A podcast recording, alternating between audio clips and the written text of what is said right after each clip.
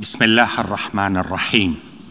السيد الرئيس نبارك انتخابك رئيسا للجمعية العامة. متمنين لك التوفيق في عملك. أصحاب الجلالة والفخامة والسمو والمعالي السيدات والسادة السلام عليكم ورحمة الله وبركاته.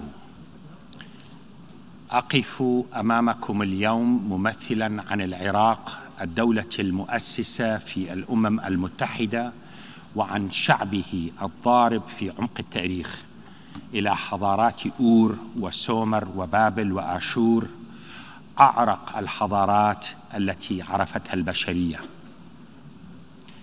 نجتمع اليوم وما زلنا نواجه التحديات الصحية الناتجة عن وباء كوفيد كما لم تزل قضايا العنف والإرهاب وتحديات التنمية المستدامة وتغيير المناخ تمثل تحديات خطيرة تتطلب منا حلولا جديه هذه التحديات تؤكد من جديد إن للأمم المتحدة والمنظمات الدولية دور أساسي في تنسيق المواقف لمواجهة التحديات. وآن الأوان لنواجه الأخطار معا واجتماعنا هذا العام يمثل فرصة للتعاون والاتفاق على خارطة طريق عمل للمستقبل. في العراق اتخذت الحكومة العديد من التدابير الصحية اللازمة للسيطرة على الوباء رغم محدودية البنى التحتية الصحية التي شهدت دمارا واسعا جراء الحروب التي مر بها البلد خلال الفترات الماضية. اذ تمكنا من زيادة قابلية المؤسسات الحكومية في تقديم العلاج والوقاية وكان العراق من أوائل الدول التي انضمت إلى مبادرة كوفاكس لتوفير اللقاحات لمواطنينا والمقيمين الأجانب. وفي هذه المناسبة نعرب عن بالغ تقديرنا حكومة وشعبا للمنظمات الدولية وخاصة منظمة الصحة العالمية على جهودها في دعم العراق للتصدي لهذا الوباء. السيد الرئيس الحضور الكرام لقد عصفت بالعراق وشعبه على مدى الأربعين سنة الماضية على الأقل الحروب والحصار والاضطهاد وحملات الإبادة والأنفال والمقابر الجماعية واستخدام الأسلحة الكيميائية في حلبجة وتجفيف الأهوار واستباحة الإرهاب لمدننا. نجحنا بتجاوز هذه المآسي الرهيبة وتمكنا من تحرير مدننا من دنس داعش وحماية العالم من جرائمه ببسالة قواتنا المسلحة من الجيش والشرطة والحشد الشعبي والبيشمركة وبدعم التحالف الدولي وجيراننا وأصدقائنا والدور الكبير للمرجعية الدينية في النجف الأشرف التي حشدت قوى الشعب في هذه المواجهة المصيرية. كما تواصل قواتنا المسلحة بحزم عملياتها للقضاء على ما تبقى من الخلايا الإرهابية التي تهدد أمن العراق والمنطقة والعالم إذ لا يمكن أن نستخف بخطورة الإرهاب. ونجزم أن التهاون أو الانشغال بالصراعات في منطقتنا سيكون متنفسا لعودة تلك المجامع الظلامية وتهديد شعوبنا وأمننا.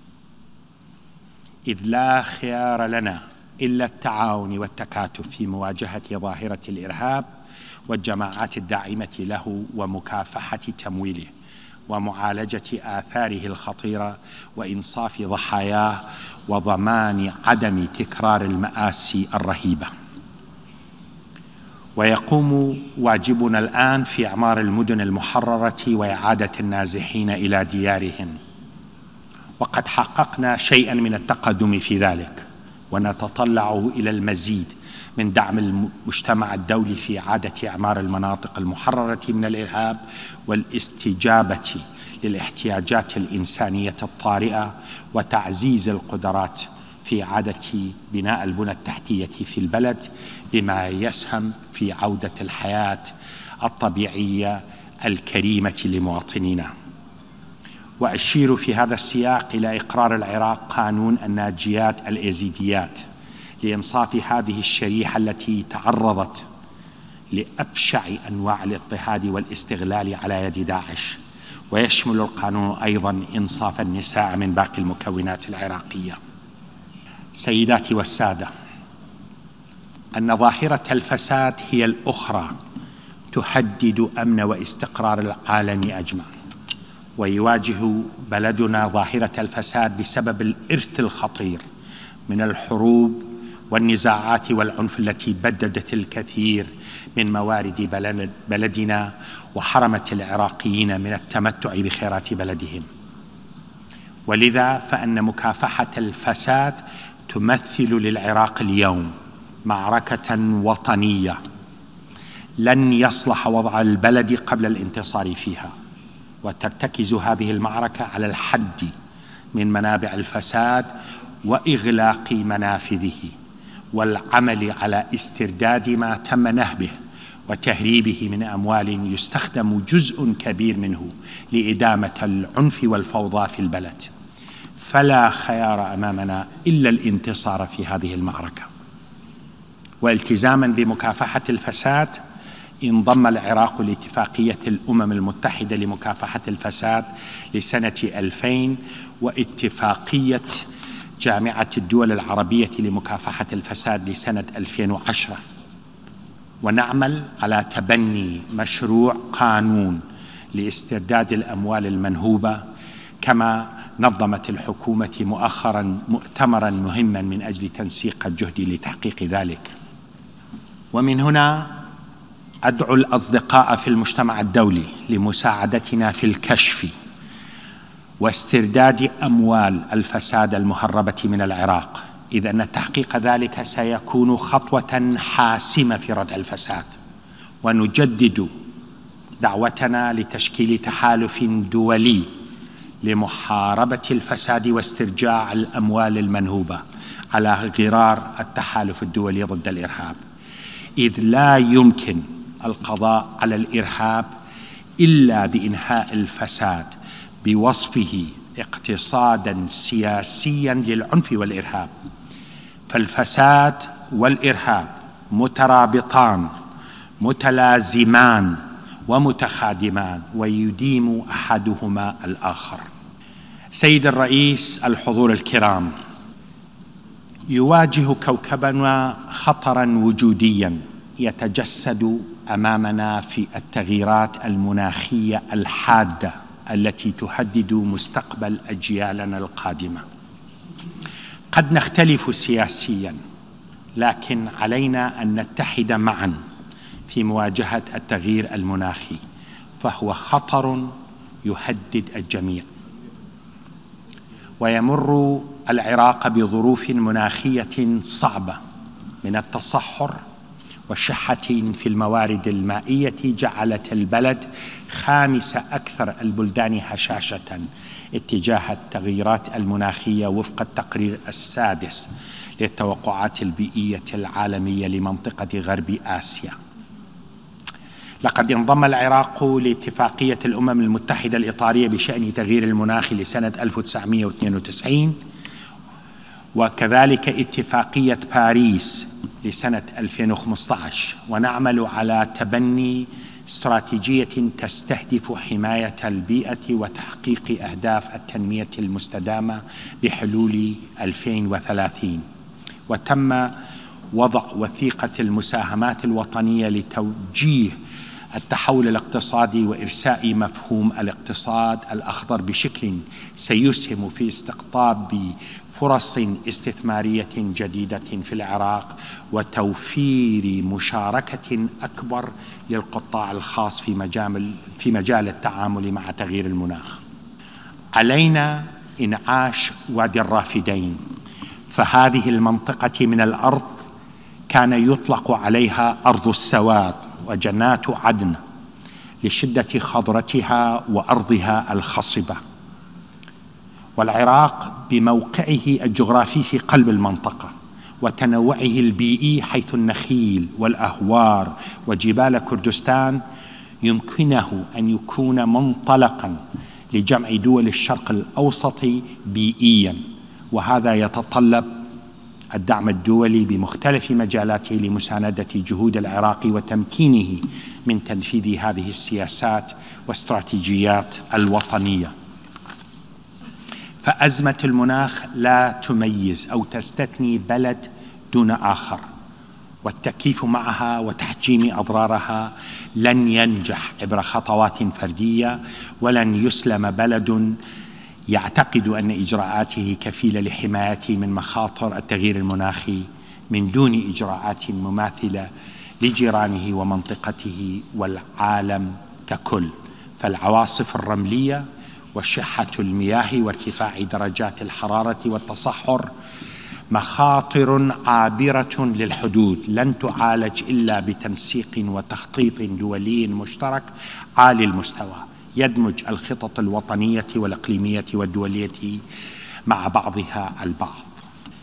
سيداتي والسادة يقع العراق في قلب منطقة الشرق الأوسط التي عانت وتعاني من حروب ونزاعات مستحكمة جراء انهيار منظومتها الأمنية والسياسية على الأقل منذ أربعين عاما. وكان غياب العراق عن دوره الطبيعي في المنطقة أحد أسباب فقدان الاستقرار الإقليمي. وفي ظل ذلك تبنى العراق سياسة متوازنة ترتكز على دعم الحوار وتخفيف التوترات والبناء على المشتركات. إذ نؤكد الحاجة لمنظومة جديدة تستند على التعاون والترابط الاقتصادي بين دول المنطقة وبمشاركة المجتمع الدولي وتستجيب للتحديات المشتركة من الإرهاب والتطرف وتقلبات الأوضاع الاقتصادية وعدم التمكن من توفير فرص عمل للأعداد المتنامية من شبابنا وأيضا التداعيات الخطيرة للمتغيرات المناخية. وانطلاقا من ذلك نظمت الحكومة العراقية مؤتمر بغداد للتعاون والشراكة لنؤكد أن العراق الذي كان عنوانا للتنازع نريده نقطة تلاقي مصلحة شعوب ودول المنطقة وأن نجاح مساعي إحلال السلام لن يتم دون العراق. العراق الآمن المستقر بسيادة كاملة. وإعادته لدوره المحوري في المنطقة. وهذا يستدعي دعما إقليميا ودوليا وإنهاء تنافسات وصراعات الآخرين على أرضنا. في هذا السياق نشير إلى أن استمرار الأزمة السورية وتداعياتها الإنسانية الرهيبة بات غير مقبول. ونذكر أن بؤر خطيره للإرهاب. تنشط باستمرار وتعتاش على ديمومة هذه الأزمة وتهدد الشعب السوري وتهدد بلدنا وكل المنطقة.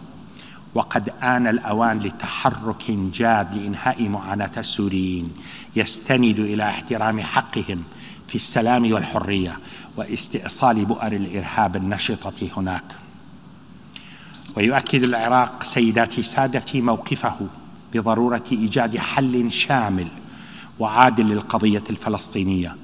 فلا يمكن أن يستتب السلام في المنطقة بدون إقرار وتلبية كامل الحقوق الشرعية والمشروعة للشعب الفلسطيني في دولته المستقلة. كما أن استمرار الحرب في اليمن وتداعياتها الأمنية والإنسانية مبعث قلق يستدعي التوصل لحل يحقق الأمن والسلام لمواطنيه ولدول المنطقة. سيد الرئيس الحضور الكرام. في الشهر المقبل ينتظر العراق استحقاق وطني مفصلي يتمثل في الانتخابات المبكرة استجابة لحراك شعبي وإجماع وطني واسع على الحاجة لإصلاحات جذرية وعقد سياسي واجتماعي جديد. يعالج مكامن الخلل في منظومة الحكم ويضمن الحكم الرشيد فهي انتخابات مصيرية. ستكون لها تبعات على العراق وربما المنطقة برمتها. وتجري هذه الانتخابات وشعبنا يحيي مسيرة راجلة نحو كربلاء الحسين عليه السلام. تتجسد فيها أروع القيم الإنسانية النبيلة في الإصلاح والسلام ورفض الظلم والاستبداد وطلب العيش بكرامة ويحدوهم الأمل متمسكين بالإرادة الصلبه في الحفاظ على الوطن والمضي في طريق الإصلاح ومكافحة الفساد والحق في حياة حرة كريمة. ولتحقيق هذه الأهداف النبيلة فأن إعادة ثقة العراقيين في الانتخابات وضمان المشاركة الواسعة بالنسبة لنا الآن يمثل أولوية قصوى. فقد تم إقرار قانون انتخابي جديد أكثر تمثيلا وانصافا من سابقاتها ومفوضية انتخابات جديدة ووفرت الحكومة لها احتياجات احتياجاتها لتنظيم الاقتراع. وتم تبني مدونة السلوك الانتخابي من أجل إنجاح الانتخابات لتكون المسار السلمي للإصلاح عبر برلمان وحكومة يستندان بحق إلى حكم الشعب بدون قيمومة أو تلاعب. إذ أن أحد أسباب الاحتقان السياسي في البلد يعود إلى مكامن الخلل وغياب الثقة الشعبية في العمليات الانتخابية السابقة. وفي هذا الصدد أتقدم بالشكر إلى الدول التي ساهمت باعتماد قرار مجلس الأمن 2576 الخاص بدعم العملية الانتخابية في العراق وإلى الأمانة العامة للأمم المتحدة والاتحاد الأوروبي لدورهما في تسهيل إرسال المراقبين الدوليين لضمان أعلى مستويات الشفافية ولبعثة الأمم المتحدة في العراق لما بذلته من جهود في تقديم الدعم الانتخابي. أيها الأعزاء إن العراق هو مثال حي للتنوع والتعايش الإنساني العميق في التاريخ. وشعبنا يشعر بقوة التنوع والتعايش الراسخة في جذوره ويدرك أن الأمم تقوى حينما يكون احترام التنوع معيارا لثقافتها. لمسە کۆیەوە سڵاوم بۆ هاوڵاتیانی ئازیز هیوادارم بە هاوکاری و یەکڕیزی ڕوبەڕووی. ئەرکەکانی ئەم قۆناغا ببینەوە بۆ چەسپاندنی ئازادی و دادپەروەری و ڕیشە چێشکردنی تونندڕەوی و جیاکاری و پاراستنی ئاشتی و پێکەوە ژیان. واختتم حديثي سيداتي سادتي بالقول أننا شركاء في هذا الكوكب. شركاء في التطلعات وفي الهواجس والمخاوف وفي القيم الإنسانية. نحتاج أن نشعر ونقف مع بعضنا لإيقاف التدهور البيئي وتجنب الحروب والصراعات. إذا أن الاستجابة لذلك أفضل هبة نمنحها لمستقبل أجيالنا القادمة. أشكركم سيادة الرئيس والسلام عليكم ورحمة الله وبركاته.